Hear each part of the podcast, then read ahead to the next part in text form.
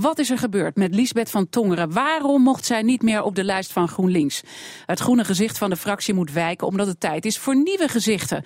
Het laat maar weer zien hoe hard de Haagse politiek soms is. En ik ga erover praten met politiek verslaggever Laurens Boven. Uh, ja, het blijkt dus wel hoe hard politici dus kunnen zijn voor mensen van de eigen partij. Vooral, hè? dat is vaak het drama. Er zijn boekenkasten volgeschreven over um, kroonprinsen die onthoofd worden door uh, mensen binnen de eigen partij.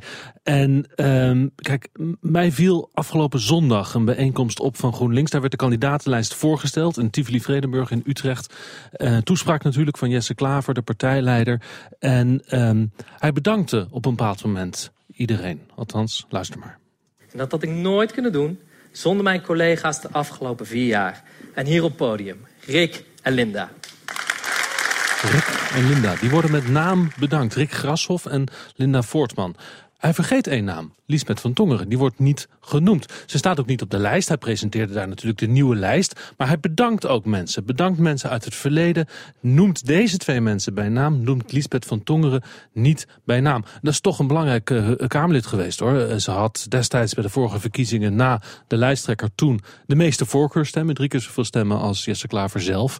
Um, en mij valt ook op dat op de lijst die nu wordt gepresenteerd alle politici, die afgezien van Jolanda Stap, um, die een, een uh, enig moment in de Kamer hebben gezeten de afgelopen periode voor GroenLinks. Ook Bram van Ooyek, ook Corine Ellemaat, die een uh, zwangerschapsverlof heeft uh, waargenomen staan op de lijst. Ja, dus hier, hier, is, hier is natuurlijk wat aan de hand. En zeker ook dat ze niet wordt genoemd. Uh, ja. Jesse Klaver is geen domme jongen, dus uh, hij heeft daarover nagedacht waarom hij dat doet. Waarom moest ze nou weg?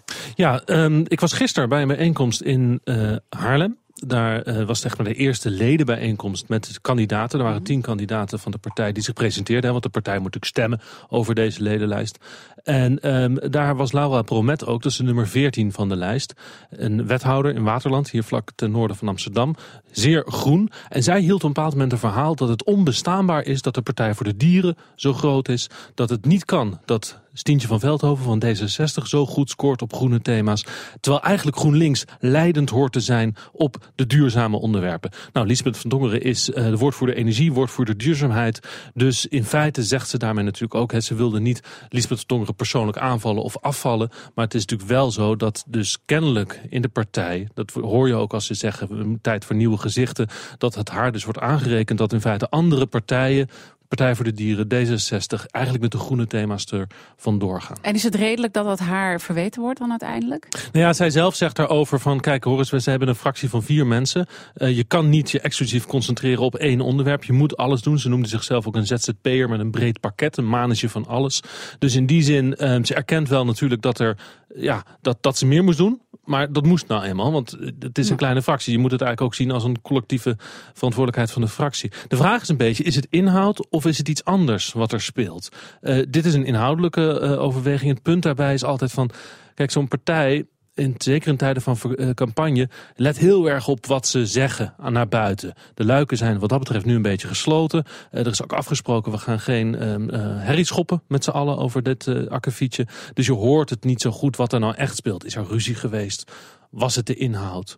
Of uh, was het een andere kwestie? Ja, wat denk toch... je? Wat denk je? Nou ja, het, het, kijk, um, het, het feit er, is, er, is iets voor te zeggen. Dat het inhoudelijk tijd is voor nieuwe gezichten. Dat kan heel goed zijn. Het kan ook zijn dat er, dat er uh, iets van reuring is binnen de partij. Binnen de partijtop. Over wie. Hè? Uh, Jesse Klaver die, die heeft een lijst verzameld die heel erg gestoeld is op ervaring. Op ervaren krachten. Mensen die hem moeten ondersteunen. Als Lisbeth Stongeren daar dan niet bij zit. Dan is dat wel een hint van. Hé, hey, um, is zij dan niet een van die mensen? Maar nogmaals, het wordt ontkend door de partij dat er ruzie is. Het wordt ook niks over gezegd gezegd. Hmm. Zou ze nog terug kunnen komen? Want je ziet nu ook een hashtag verschijnen van dat ze terug moet. Ja. Dus er zijn een heleboel mensen het oneens met deze beslissing. Ja, het is heel lastig. Dat herkent ze zelf ook. Ze wil via de leden, hè, zoals Pieter Omzicht bij het CDA destijds ook niet op de lijst kwam. En zich via de leden teruggevolgd heeft op de lijst en met voorkeurstemmen is gekozen. Dat scenario wil ze eigenlijk een beetje herhalen. Het is heel lastig, want dan moet ze uh, op de lijst worden gezet door de leden. En dan moet zeg maar 50% plus 1